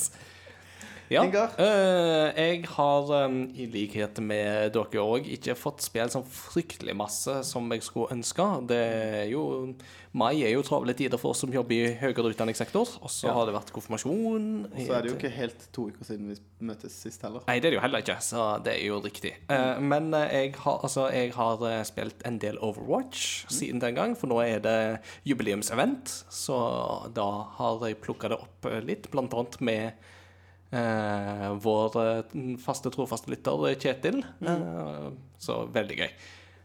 Eh, jeg har òg siden jeg var i konfirmasjon i, på Vestlandet, så tok jeg jo med meg Switchen. eh, og da var det jo litt tid å Tid og litt spilletid på flyet og litt sånne ting, så da fikk jeg plukka opp igjen War Groove, som jeg jo kjøpte i, da det kom i februar, og begynte å spille litt på. Og så har jeg latt det ligge litt, og så plukka jeg det opp igjen nå. Så Det var det Advanced Wars dette er det Advance Wars-lignende eh, taktiske eh, spillet med i, satt i en fantasy-setting, der du kan produsere nye enheter underveis, og så ser det ut som en sånn Game of Advance-type spill. Ja. Eh, fortsatt eh, gøy. Eh, jeg kan absolutt anbefale det. det. Det skal sies at det mangler nok litt av den der raffineringa som Advance Wars hadde. Altså du, du merker at det fortsatt mangler liksom litt av det lille ekstra som skal liksom til for å løfte det fra en åtter til en nier eller en tier på, på skalaen. Men fortsatt altså solid. Og altså, det koster vel ikke mer enn 169 kroner, tror jeg, så du får masse bra spill for den prisen, altså. Og det er Det finnes jo mye dårlige taktiske RPG-spiller. Ja, så ja, du- ja. du kan fort gå feil, så det er jo godt å vite at spill som gjør det riktig, men ikke liksom top notch. Mm, så det er absolutt eh, gøy sånn sett. Og så har- eh, og så fikk jeg spilt litt, da, litt mer Streets of Rage 2. Så litt sånn god gammel uh, Sega. God gammel Sega der. Eh, Men, så er det, men så er det jo da Days Gone som jeg har spilt mest. Um, Kommet lenger på det. Jeg håper jo på å bli ferdig med det snart. Um, eh, det begynner å nærme seg en slutt, tror jeg, så vi får se hva helga eh, gir mulighet for. Um, Og jeg står inne for det jeg sa sist gang, at det er ikke dårlig, dette spillet her, men det mangler veldig mye polish, og det kommer ut noen år for seint. Det er litt for stort og tomt, og det er litt for mange sånne FedEx-oppdrag, som en jo kan kalle det. Litt sånn dra dit, hent det. Fetch Eh, quests. Ja, Fetch Quest. Men jeg liker ordet FedEx-Quest enda bedre, da. Eh, Death Stranding. ja, men så er det Ja, Death Stranding er jo bare det eneste stort FedEx-spill, men det er noe annet igjen. Ja, ja. Men så slår det meg jo òg at uh, Altså, rent teknisk òg så sliter det voldsomt. Det er ofte at det, Altså, det har krasja flere ganger. Eh, Ja. Det går av og til ned i sånn ti, ti bilder per sekund, eller kanskje mindre til og med, at det nesten stopper helt opp med bildet. og Draw distancen er dårlig, og det, det, det er veldig vekslende grad. Altså, den Ja. tekniske performancen i dette spillet er rett og slett ikke god nok, iallfall ikke på en vanlig PlayStation 4. Og det er synd, altså, fordi at når det utmerker seg grafisk, så er det faktisk veldig pent. Eh, story, men så er det jo storymessig så klarer de ikke helt å løfte seg. Og det er liksom Deacon St. John, som jo er hovedpersonen du følger, er jo litt sånn Han er ikke en like godt sammensatt rollefigur som jeg skulle ønske. Liksom, det er sånn, han, han ble liksom veldig sånn eh, opptatt av at eh, og Han liker ikke folk som eh, legger seg på en måte på lur og angriper stakkars uskyldige som overfaller folk. Så det jo han tar og gjør, er at han lister seg inn i leiren på dem, og så utraderer han sånne leirer på 20 som- som folk. Og så liksom bare sånn How do you like that, you murdering pieces of uh, prikk, prikk, prikk. Og så er det bare sånn but, but, but you're a murdering piece of prikk, prikk, prikk akkurat nå, liksom. Så det er litt sånn eh, veldig sånn inconsist Altså, det er jo det som vi kaller for ludonarrativ dissonans Ja, Ja. her inne i bildet. Teksterkomplekser. er-. Ja, Ja. rett og slett. At det, det, det matcher liksom ikke helt med hva han sier og hva han gjør, og hva han liksom skal framstå som å være. da. Ja. Men eh, det er noen situasjoner der du slåss mot horder med vandrende døde som er ganske intense. Og det å liksom prøve å legge det til et litt sånn taktisk og lurt og sånt, det er fortsatt gøy, altså. Og så er jeg blitt veldig glad i å mekke på motorsykkelen min. Ja. Konge. Det er faktisk det spillet veldig bra på. Det er sånn at Du begynner med en veldig veldig bra motorsykkel, så blir den stjålet fra deg og kappa opp i fillebiter, så du må bygge deg opp en ny motorsykkel. Og den motorsykkelen du bygger deg opp, den blir du litt glad i etter hvert. altså. Kult. For det Altså, det klassiske COG-spørsmålet. Ja. Går spillet som en dans? Nei, det gjør det slettes ikke. Nei. Det hadde kanskje gått som en dans hvis den tekniske ytelsen hadde vært bedre, men eh, Ja. det ligger nok på en seks av ti for min del. Ja, altså. Det er sånn Jeg klarer ikke å hate det eller synes det er dårlig, eller sånt, men det er ikke så bra som de skulle ønske for et PlayStation-eksklusivt Mm. spill etter ting som Horizon, etter Spider-Man Mm. og ja, Men òg og, og sånne åpne verdensspill som Red Dead Redemption 2 òg, som jo setter en helt ny standard. Mm, ikke sant? Så Med tanke på eh, de tekniske problemene og hiccups og sånn, og framerate og alt det her, så kan det jo være at med tanke på PS5 sin lover bakoverkompatibilitet Kompabili- Mm. Kom- ja, du sa det helt riktig. Du sa det ja. helt riktig. Uh, at uh, hvis en ikke har en PS4 Pro, uh, at en da kan vente med det litt, kanskje. Det kan hende, men jeg vet ikke om Days Gone er det jeg ville gått tilbake og spilt. Hvis det er nei, sånn Å, nå kjøper jeg PlayStation 5. Jeg hadde ikke PlayStation 4. Hva skal jeg plukke opp da? Så er det sånn Da går det for God of War eller Horizon Zero Dawn. Liksom. Det, mm, Ja. ja. ja, det er ikke fett. Ja. mm, så, men jeg skal spille det ferdig, og så får vi se hvordan det går deretter. Men uh, jeg, har sett noen anmeldelser av det hvor folk sier at det, eh,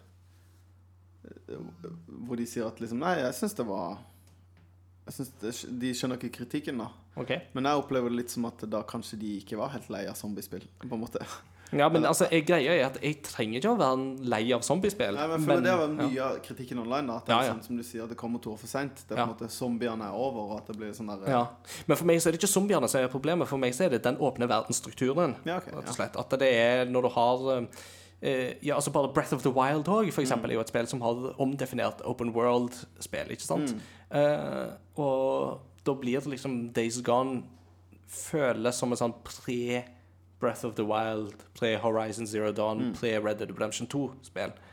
Så hadde det kommet ut i 2016, så hadde det nok gått mye bedre for dette spillet. Ja. Tenker jeg. Det var egentlig det jeg hadde å by Ja, på. Så med det så Jeg må bare skyte inn en ting som ja. jeg tenkte på i stad når du sa lit. For det, jeg hadde en kollega på forrige jobben min som het Let til etternavn. Altså Lit. Og telefonnummeret sitt slutta på 1337. Å, det er jo Og nydelig. folk, og folk drev og ringte henne seint på natta og bare 'Heter du Lit?' Og bare «Å, 'Nummeret ditt slutter på 1337.' Og hun bare 'Ja, jeg vet det'. Shout-out Ja. til. Ja, det, ja. Hei, du. Eh, Med det så skal vi ta oss en bitte liten pause, og så skal vi komme tilbake til dagens tema etterpå.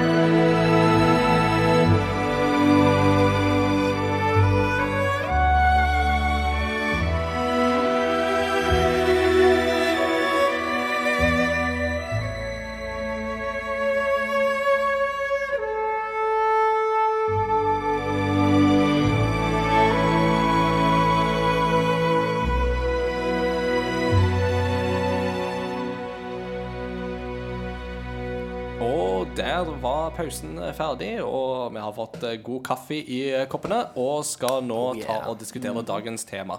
Folkens, eh, det er jo sånn at når juni kommer, så er det ikke bare det at det nærmer seg sommerferie og sol og varme dager, men det er òg tida for et av de store høydepunktene i spillåret, nemlig E3-messen.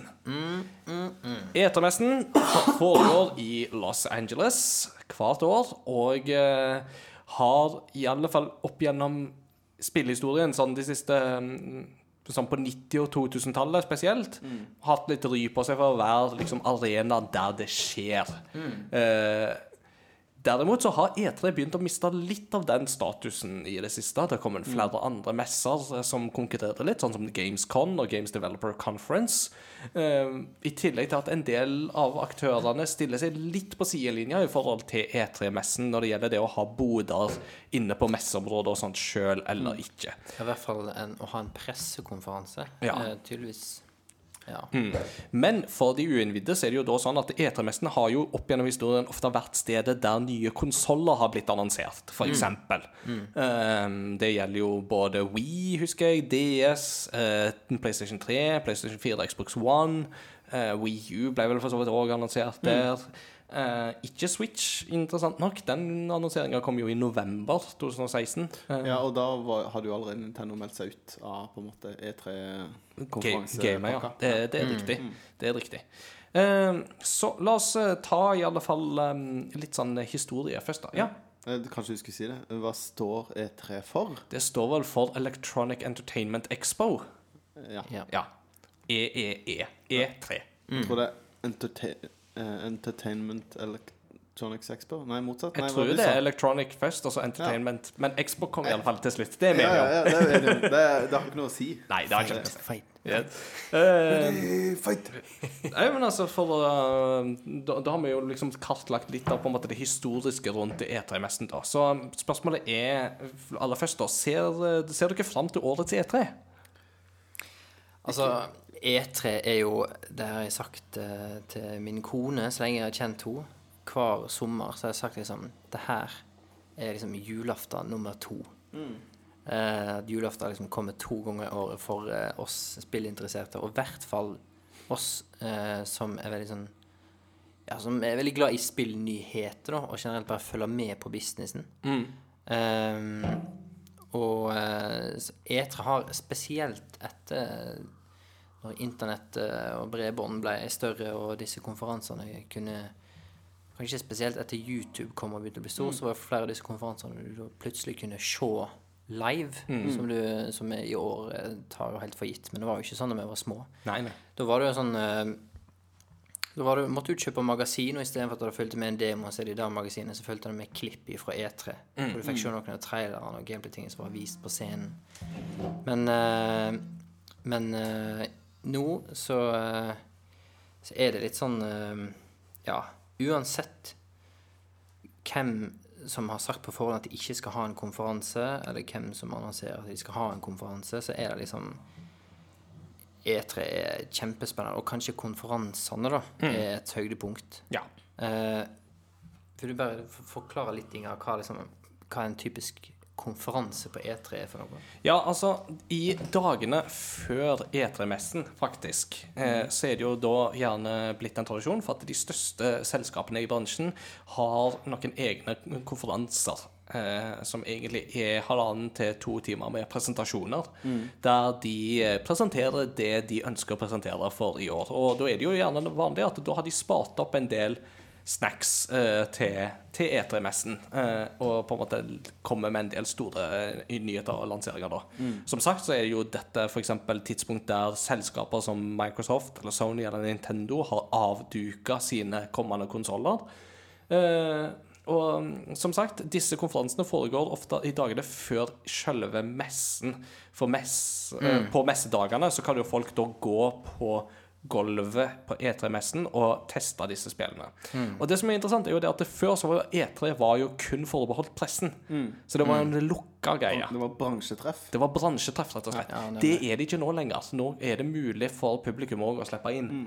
Eh, Så det gjør jo faktisk mulig for folk å komme inn og få prøvd uh, en del. Jeg lurer på om det er For det, E3 går over flere dager, så lurer på om de første dagene fortsatt er bransje, og så åpner det for publikum. Det er riktig. Og da er det mange av disse journalistene som er der nede, som stikker, for da blir det uutholdelig. Da er det kaos. Da begynner kaoset, vet du. Men så er det jo også, eh, på disse konferansene så er det jo òg gjerne av og til litt sånn one-on-one med store utviklere eller mm. bransjefolk, ikke sant? Og det jo, og, og, og så er det jo det òg du får i kjølvannet av E3-messen, så er det jo ofte at journalister får gjort seg avtaler med eh, en del utviklere, spillskapere, komponister, eh, altså you name it, og eh, de får lage store, gode avis, artikler og nyhetssegment om, om disse folka, da. Ja. E3 er jo liksom eh, eh, Vi har jo på flere tilfeller sin, sitert ting som kommer fra E3. Sånn som Ja. My Body Is Ready Ja. er jo fra E3. ja. Og 599 US dollars. Ja og, ja, og alt dette her og liksom 299 Ja. PlayStation og hele den pakka der. Og eh, um, også, men også eh, sport, sport, sport, sport, sport, Ja, sport. ja, ja. Ja. TV, TV, TV, TV, TV. Call of Duty, Call of Duty. Look at dogs! Men så det er. Man har så utrolig mange ikoniske øyeblikk fra E3. Ja. For Eh, det er, Selv om det ikke er så lenge som vi sier at det, det har på en måte vært i liksom det generelle spillinteressertes på en måte på radaren, da. Mm. for det er jo utrolig mange sånne der- Altså Disse konferansene de, de har gått gjennom mye rart opp gjennom E3-messen. Ikke sant? Du har fra liksom de største øyeblikk og de største annonseringene og jubel og applaus og alt til noe av det mest cringy eh, øyeblikkene der du bare lurer på hvem i all verden var det som fant ut tenkte at dette var en god idé. Eh, og, det, og liksom hvem det er som på en måte taper E3 i hermetegn, er jo alltid litt spennende å se i ettertid. For det, tape, ja. hvem er det som på en måte lirer av seg den flaueste konferansen Ja. eller de flaueste øyeblikkene? Eh, og dette er jo sånn det er jo litt sånn synd. ikke sant? Men gamere er jo en veldig utilgivelig gjeng og kan være noen De er ikke alltid like høflige på internett, for å si det sånn. Uh, og da er det jo gjerne sånn at hvis folk dummer seg ut på en E3-scene, så blir det snakka om, altså. Det, eh, De får høre det. etterpå, De får høre det i ettertid. Helt til neste E3-konferanse. Da er det en annen som tar den posisjonen. Altså. Men nå er det jo blitt sånn at siden det er så mange andre store konferanser innimellom Vi har allerede Altså vi har holdt på Vi har ikke holdt på siden forrige E3 med denne podkasten. Vi har allerede rekka å snakke om Don't you guys have phones? Ja, Ikke sant? ikke sant? Og, og at han der eh, Eller sånn ikonisk ikoniske øyeblikk, da. Sånn som at han i denne her Bethesda Eller var det Diablo? Nei, Blizzard. Når Ja. han Etter Ja, det var ja, det, det når det hadde BlizzCon, tenker ja, du Ja. Og han etterpå kommer ut og bare tar spørsmål. Altså sånn, Det syns jeg òg er et sånt ikonisk øyeblikk. At de er litt Mm. sånn her OK, vi skjønner at dere nå er sure. Skal jeg stå her og bare ta imot og svare? Ja. Mm. Jeg syns jo det er et litt sånn eh, Ja, litt sånn der eh, eh, scapegoat-øyeblikk, da. Som Ja, egentlig er litt ja. sånn eh, eh, Hva skal jeg si eh, Beundringsverdig, sånn i spillverdenen, da. Mm. Det er jo eh, Du nevnte jo da i stad, Inger, at liksom det er jo Og du Mats Jakob, at det er en, en av de tingene som, som en kanskje husker tidligere E3-er for, er jo akkurat disse flausene. Ja. Og det er jo alltid fra eh, det ene som Nintendo har, som jeg tror faktisk var siste konferansen de hadde eh, før de begynte å streame på eh, De hadde en stream, Nå har de jo stream som er under E3, men de er ikke der å ha en live Men den har jo pressekonferanse. timeslot på E3. Ja. Ja.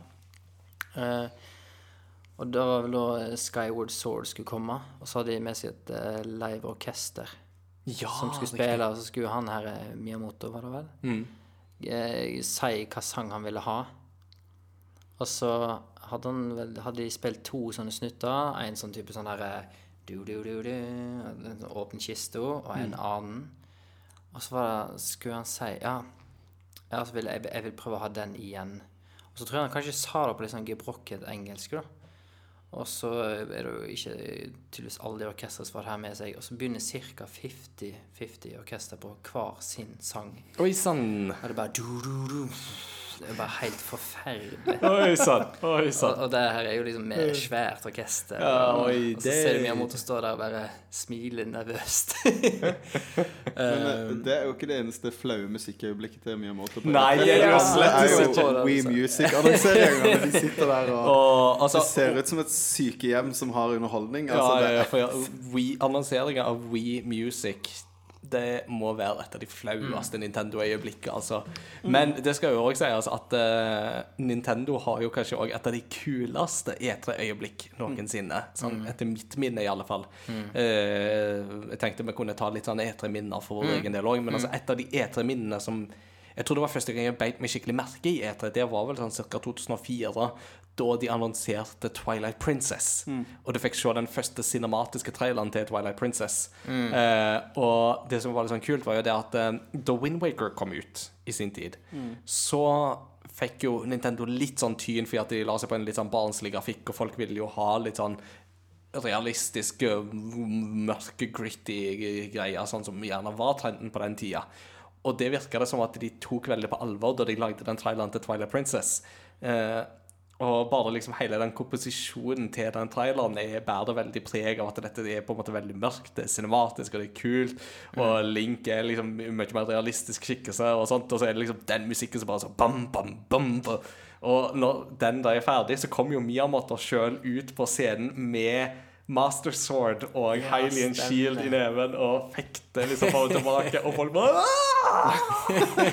Full jubel! Og vi har valgt å stå der, og det, bare, det, tror jeg må være et av høydepunktene i hans karriere. Er når han står der på scenen med sverdet og som skjoldet. He-Man og bare Ja, eller, så, så, ja, men altså bare liksom motta den jubelen fra fansen som er sånn Mm. Endelig! Liksom, de, de, de var jo så hypa på dette. Og Twilight Princess ble jo bra òg, da. Absolutt. Mm, Så ingenting å si på det.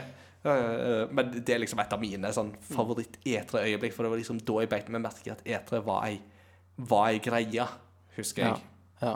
Ehm, jeg tenkte på før, før vi går eh, inn på liksom Før vi kan ta en sånn runde på våre egne minner, ja. så er det jo nevnte sikkert i stad, men det er jo eh, Som regel så er det jo spill som blir vist på E3. Og så har det tidligere òg vært eh, konsoller som har blitt vist. Men òg eh, ganske store nyheter til plattformene. Ja. Sånn som eksempel når Xbox One hadde vært ute i ett år eller to. Hadde en ganske treig start, så skifta de sjef til han eh, som er noe som heter Phil, Phil Spencer. Spen- Det for først var det Phil Spencer. For først var det jo Don Matrick. Ja. Og så kommer han ut på scenen, og så bare har de vist noen spill, og så sier han liksom OK, guys. It was very difficult, but we've finally done it.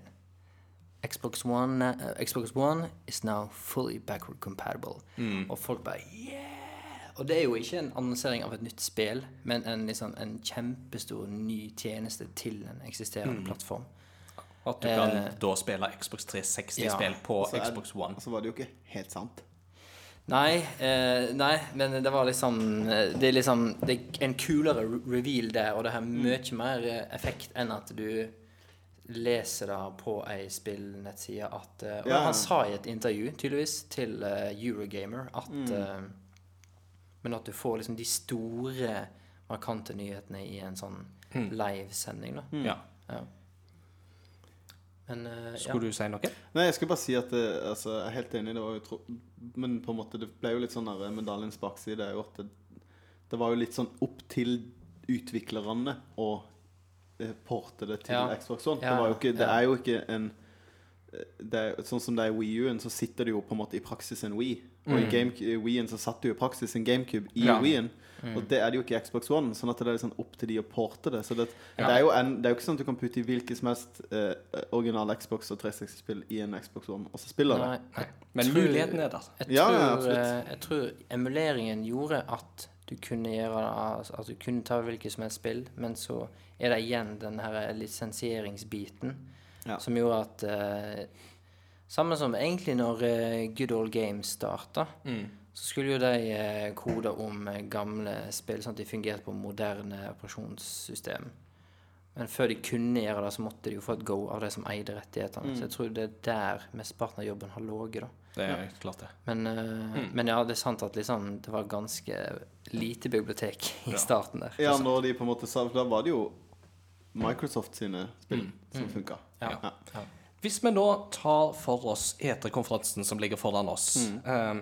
så er det jo den mest interessante tingen er jo det at eh, Sony kommer jo ikke til å være til stede i år. I det hele tatt. Det er jo veldig Altså Før så har vi jo hatt Nintendo, som jo ikke har hatt en stor konferanse på messeområdet, men har hatt sin egen livestream. Eh, eller så en, de, har, de har gjerne hatt en sånn egen minikonferanse i sitt eget studio, da kan du si. At Men de har ikke hatt det. Innenfor E E3-timeplan. Ja, men innenfor Det er en del av E3, men de bruker ikke masse penger på å ha en stor konferanse. Nei, det er riktig. Så det er ganske smart der. Sony på sin side i år, de kommer jo ikke til å stille i det hele tatt. Som jo er ganske spennende, egentlig. Eh, første gang på 24 år at de ikke skal være med, tror jeg. Men hva tror du er grunnen til det? Jeg tror at grunnen ligger nok annet i at eh, de vil nok heller kjøre en egen annonsering av PlayStation 5-relatert materiale når det ligger klart, og vil gjøre det på en mye mer økonomisk besparende måte for de. Eh, PlayStation har jo allerede, eller Sony har jo allerede begynt med dette her sånn eh, State, altså Er det State of Play de heter? Ja. Disse her eh, ja. ti Directene. video- Ja, Ja. som er sånn so, PlayStation Direct i hermetegn. uh, og jeg tror nok det at eh, når Sony er klare for det, så kommer de til å kjøre mye mer på hugget med den type uh, annonsering av PlayStation 5. Uh, I tillegg til at eh, det er jo ikke så fryktelig mange store First Party-titler igjen hos PlayStation som vi venter på. Det er The Last of Us Part 2 som vi venter på nå. Altså. Det er liksom, og så har du jo ting som Ghost of Tsushima. Kommer jo også etter hvert. Det gleder jo jeg meg veldig til. Det ble jo, var jo en av de favorittene mine fra jo, fjoråret. Det var jo Ghost of Tsushima-annonseringer, så jeg håper jo at vi kan Men få noe mer av det etter hvert. tror dere Sony kommer til å være helt stille under E3-uka? Eller tror du de kommer til å liksom eh, annonsere ting under E3-uka, men bare ikke under E3-banneren? på Jeg jeg tror de kommer til å vente, faktisk. Men det er klart det er fortsatt tid igjen, så det gjenstår å se. Ja, for eh, det er nok det da, kort oppsummert da, at alt PlayStation 5, altfor tidlig. Eh, alt PlayStation 4, eh, det er ikke så mye nytt fra i fjor. De kan ikke gjøre den samme pressekonferansen igjen. Nei. Nei. Jeg tror det er liksom der Ja, men, det og, ligger. og den ser jeg, men på en måte Det er da jeg lurer på ehm, For det som folk har reagert på, er jo at de glimter med fravær totalt. på en måte Altså, Ja. De er ikke til stede engang. For Nintendo har jo hatt noen år hvor de ikke, egentlig ikke har hatt så mye å si, men de har likevel vært der til stede. For det er jo en bransjetreff. Selv om det er blitt mer og mer sånn Ja. publikumskonferanse. Ja, men så er det det som er spørsmålet, da, om E3 begynner å tape litt sin rolle som dette Ja. bransjetreffet, fordi du har fått andre arenaer for det, som Ja. type Gamescon, GDC, og den visker det òg nesten BlizzCon tjener jo Mm. nesten også som en slags sånn mini For altså, det er jo mange i bransjen som er fan av Blizzard og Mm. reiser på BlizzCon. Ja, og nå har det jo vist seg at influencers er jo Altså streamere er jo òg en ny måte å lansere spill på. Ja, ikke sant? Altså, Apex, Apex, Legends ja. var jo kroneksempler på det, ikke sant? Så, Ja, men det, ja, og det helt enig. Det er jo litt begrensa over hva du, du kan ikke annonsere alt via, via Ninja, liksom. Men, men um, det jeg er på en måte litt sånn usikker på, er jo for det er noen som har spådd liksom dette er dette E3 sin død? Eller spådd. Noen spår det, noen spør. Eh, av at PlayStation melder seg helt ut. Men, eh, og andre sier at nei, det er bare fordi PlayStation gidder ikke bruke penger på det, for jeg har ikke noe å si. Så det kommer seinere. Men eh, eh, relevansen av et, altså, E3s storhetstid er jo over, på en måte, Ja. som, som på en måte en sånn, nesten som monopol på liksom, spillnyheter. Eh, I Vesten, da. For Mm. Ja. Mm. du har hatt Spaceworld i Japan alltid, som har på en måte sin egen greie. Men, men tror dere at dette er på en måte begynnelsen på slutten for E3, eller? Jeg tror ikke det er begynnelsen på slutten nødvendigvis. Jeg tror E3 vil bestå til en viss grad, men samtidig så gir jo dette et insentiv til arrangørene av E3 om å ny, fornye seg. Eh, Og det er jo det som er uh, greia her òg, det er jo det at uh, det er nok det Sony òg etterlyser. ikke sant? Det er noen grad av fornyelse som gjør det relevant for deg å være med på dette. Eh, I en tid der internett spiller en stadig større rolle, og der man kan å, å ta tingene mye mer i egne hender til en mye billigere pris. Ja. Ja, og hvis Microsoft eh, ty tjener kjempegodt på å være på E3 og å ha liten konkurranse, så kommer de ut til å få mer konkurranse til neste år, tipper jeg. Det er sant. ja, hvis Sony ser at de tapte masse penger, på en måte. Mm. Ja. Ja, hvis, hvis plutselig så hopper Xbox One-salget Ja. veldig godt opp, eksempel. Ja. Men det er jo en viss fare for det, da. ja, det er jo det. Det er en viss fare, men det kommer jo an på hva Xbox har å stille med på konferansen. Ja. Skal vi ta for oss eh, de store konferansene ja. Eh, under årets E3, og så kan vi jo snakke litt om hva vi gleder oss mest til mm. årets E3. Mm. Først ut så er Microsoft. De skal ha 9.6 klokka 1 eh, på ettermiddagen, stillehavstid. Eh, alle tidspunktene her er Pacific time, by the way. Mm. Så det vil Microsoft si 6 Eh, Pacific det er jo da på, det ni, Ja, det er ni timers forskjell i forhold til Norge. For bak oss. Skal jeg, skal jeg, finne de norske tidene imens? Det vil si at Hvis en konferanse begynner klokka ett uh, i eh, Los Angeles, så er klokka ti her i Norge på kvelden. Ja. ja. Så Microsoft er da søndag 9. juni klokka én, og så kommer Betesta søndag 9. juni klokka halv seks. Så kommer Ubisoft mandag 10. juni klokka ett. Og så kommer Square Enix mandag 10. juni klokka seks. Og så til slutt så skal Nintendo ha sin uh, Nintendo Direct 11. juni klokka ni på morgenen. Så det er da altså Microsoft, Bethesda, Ubisoft, Square Enix og Nintendo som er liksom de fem store nå i år. Og så åpner konferansen Nei, ikke konf altså så åpner messa rett etter Nintendo er ferdig. Det er alltid Det, sånn det det er riktig. Ja. Jeg er, bortreist i et bryllup og kommer tilbake søndag kveld. Men jeg tror jeg er tilbake i leiligheten klokka ni på kvelden.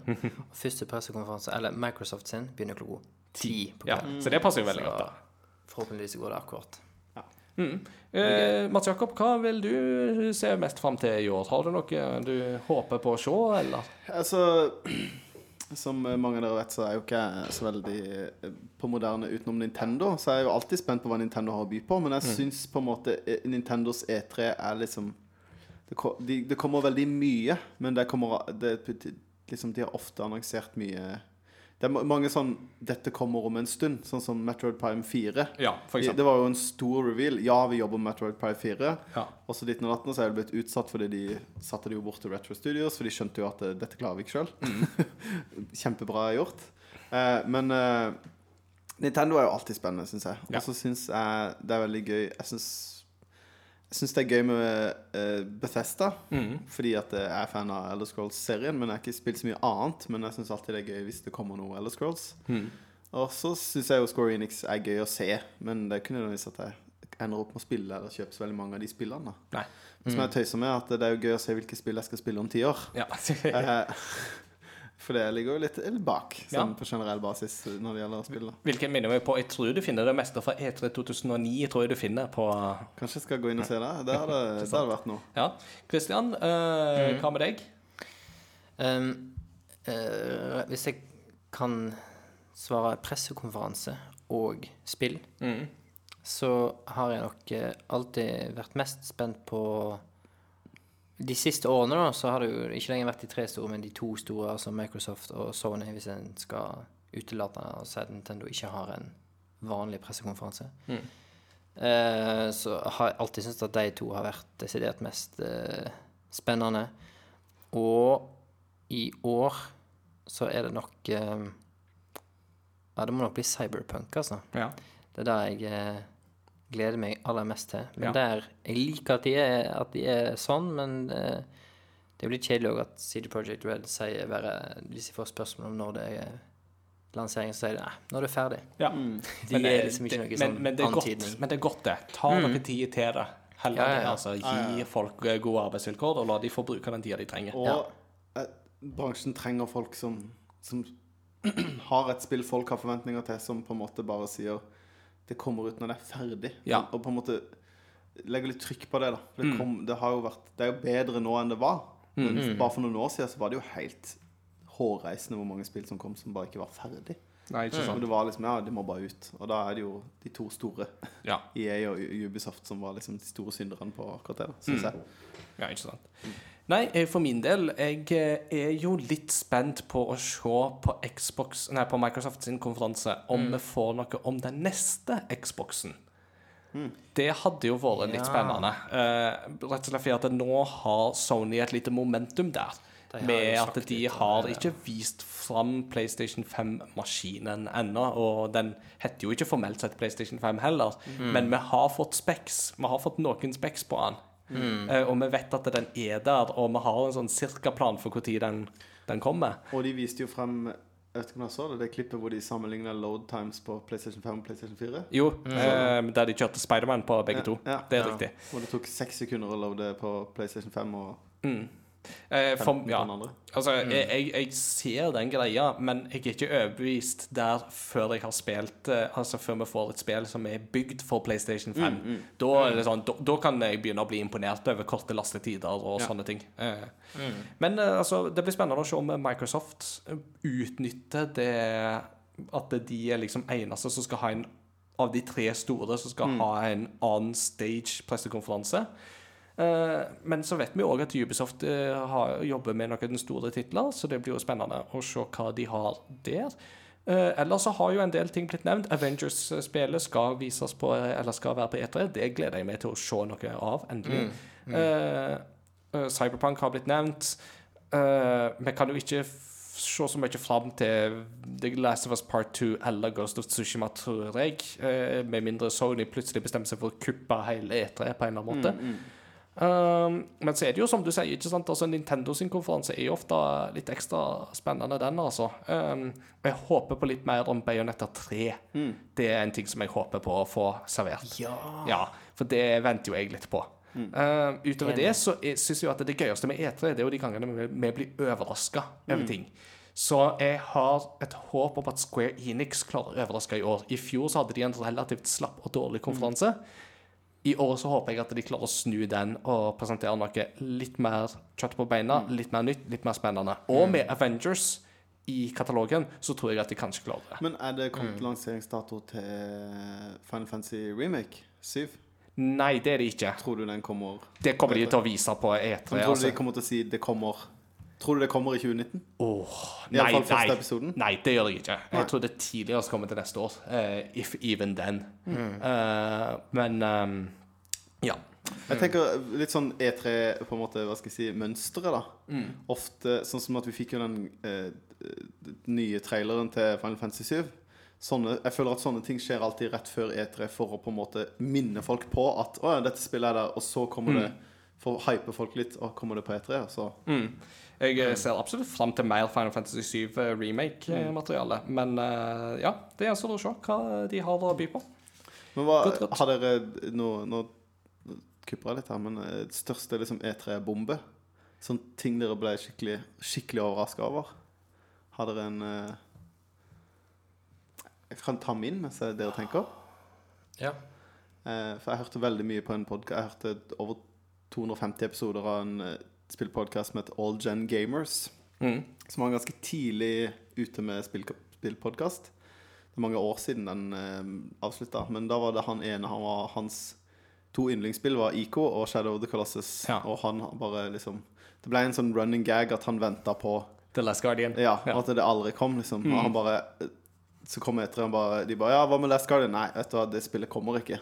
Og så var det liksom neste episode bare De annonserte Last Guardian! Og liksom Jeg har en sånn. Så for meg, ikke det at jeg var så veldig på Last Guardian, men bare i den der liksom Lauren i den podkasten, så ble det så veldig fett at de faktisk annonserte det. Og det ble sånn, var sånn bombe, for det folk Det var så snakket så lenge, og så glemte folk det. altså bare Der kom det. Jeg, jeg har en sånn bombe, og det er fra Ubisoft sin for to år siden. Der de for det første viste fram Mario plus Rabbids, Kingdom Battle.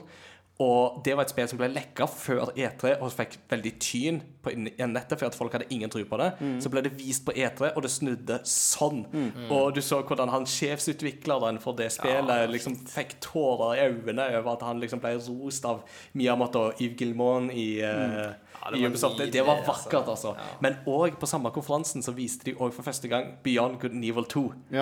Og Ja. det er jo et spill som jeg har gleda meg til, på samme måte som The Last Guardian er et sånt prosjekt som er sånn Å, kommer det noen ganger? Så kommer det aldri. Så plutselig så var det bare sånn Folkens, dette skjer! Og så kommer jo da selveste sjefsutvikleren Og selvsagt er dette navnet ut av hodet mitt akkurat nå, men Nei, eh, jeg skal ikke på. Nei. ehm, veldig, veldig kjente navn, så det er veldig flaut at jeg glemmer dette akkurat nå mens vi tar det opp. Og han mottar stormende applaus, og det er bare så tydelig for han at det, dette er noe folk vil ha, og folk husker han, og det liksom, han, blir, han blir oppriktig rørt av den mottakelsen. Så det er det, det, det, De to øyeblikkene der, det kommer til å sitte igjen hos meg veldig lenge. Um, jeg tror jeg må uh, slite litt med hukommelsen akkurat nå. Jeg tror jeg må ta et eller annet fra nyere tid. Ja. Og det er forrige E3. Så hadde det vært lenge rykter om Cyberpunk. At det da kom til å bli vist på E3. Og så var Microsoft så å si ferdig med sin konferanse. Og så står han Phil Spencer og prater. Og så midt i liksom sin avslutning så bare jo, kutter lyset. Ja, Og så kommer det opp på skjermen noen som sitter og hacker seg inn i serveren. og så blar de ned på ei liste, og så i et sånn rød Matrix-aktig eh, sånn DOS-vindu. Og så står det liksom På lista så står det 'Launch eh, Cyberpunk Trailer'. Og når, det stå, når folk ser det står da, så Ja. hele salen bare uh, jeg tror den eh, er likestilt med uh, God of War uh, reveal-traileren til eh, E3 Var det 2016, kanskje? Ja, det tror jeg kan stemme. Ja. To år før. Da, da ser du jo eh, Det er åpningen på Sony sin pressekonferanse, og så har de et sånt svært orkester som står og spiller er sånn i fem minutter. Spiller et stykke, liksom. Og så sklir øh, Og så går scenelyset ned, og så fortsetter orkesteret å spille. Så kommer det opp på skjermen en liten gutt som sitter og leker ute i skogen øh, med noen leker. Så fortsetter musikken, så skjønner du OK, de, de liksom Nå er orkesteret soundtracket til det som skjer på skjermen. Og så sitter han gutten og leker, og så hører du bare Boy. og så reiser gutten seg opp, og så går han liksom inn i et hus. Et gammelt hus. Skjønner du? Det er en sånn viking, norrønaktig setting. Og så står han, gutten og snakker med en eller annen kar som står på en måte inn i, i skyggen, og så ser han ikke ennå. Og så sier han et eller annet sånn It's time to hunt. Uh, uh, I'm hungry, eller et eller annet sånt.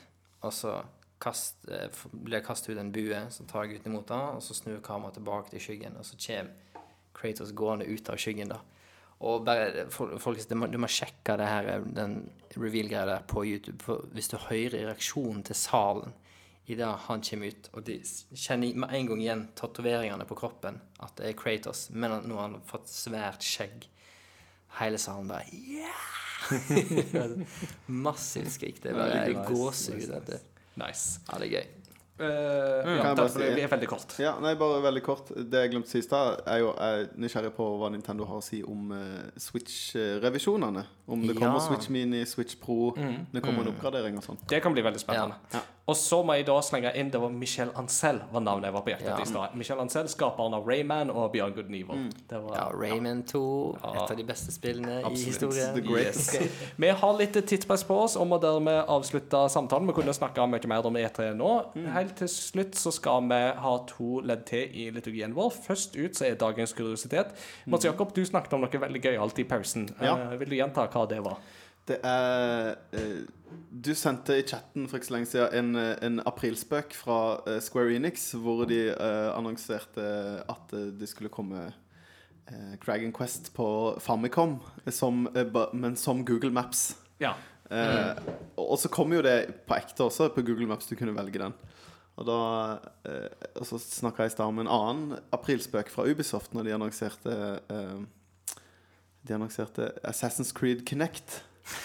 Eller at du kunne spille Assassin's Creed med Kinect, og du kunne liksom hoppe og sånne ting. Og noe av det, noe av det gøyeste var jo den derre load screen når du bare er i det rommet.